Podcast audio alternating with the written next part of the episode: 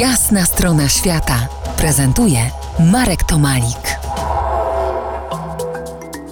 Po jasnej stronie świata Kamila Kielar, organizatorka samotnych wypraw w najbardziej odludne miejsca planety Ziemia.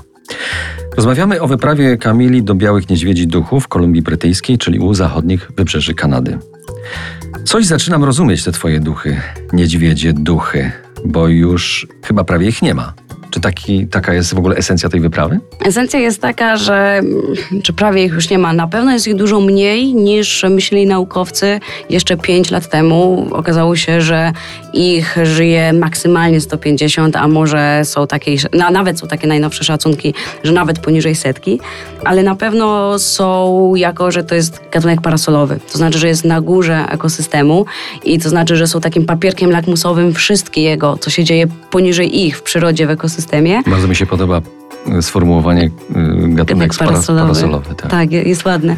No ale dlatego one odczuwają wszystko, co się dzieje poniżej i obrywają po wszystkim, co się dzieje poniżej.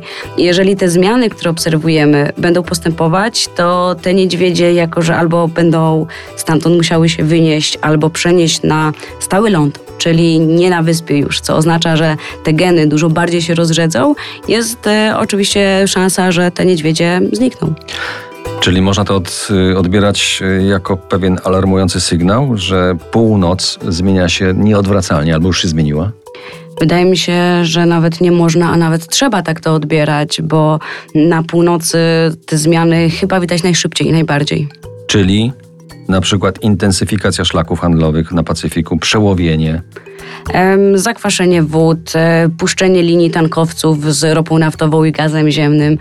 To spowoduje też przede wszystkim tak naprawdę korelację z żyjącymi tam tymi wielorybami, o których rozmawialiśmy.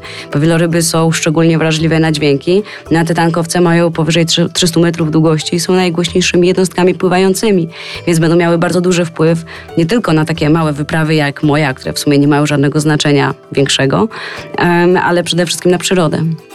Co możemy zrobić oprócz przyjęcia tego, co nam mówisz, do świadomości? Po pierwsze, w, mówić dalej, mieć świadomość, co się dzieje, nie zamykać oczu, nie być biernym, tylko faktycznie zdawać sobie sprawę, rozmawiać z ludźmi, e, sprawdzać też takich już bardziej prostych i codziennych wyborów, sprawdzać skąd pochodzą ryby, które kupujemy. Są e, w internecie, można znaleźć takie ściągi, z których łowisk i jaką rybę można zjeść bez obciążenia naszego sumienia. E, to jest też bardzo ważne. No i tak jak mówię, ponieważ z rybami też jest tak, że trochę, jak to w powiedzeniu, nie mają głosu. W związku z tym um, ich losem się mniej przejmujemy niż na przykład losem tygrysów, które, które wszystkich chwytają za serce, czy jak pada ostatni nosorożec.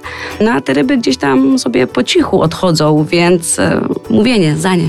Przypomnę, że naszym gościem była dziś Kamila Kielar, specjalistka od samotnych wypraw outdoorowych, laureatka wielu podróżniczych wyróżnień. Dziękuję Ci, Kamilo. Dzięki wielkie.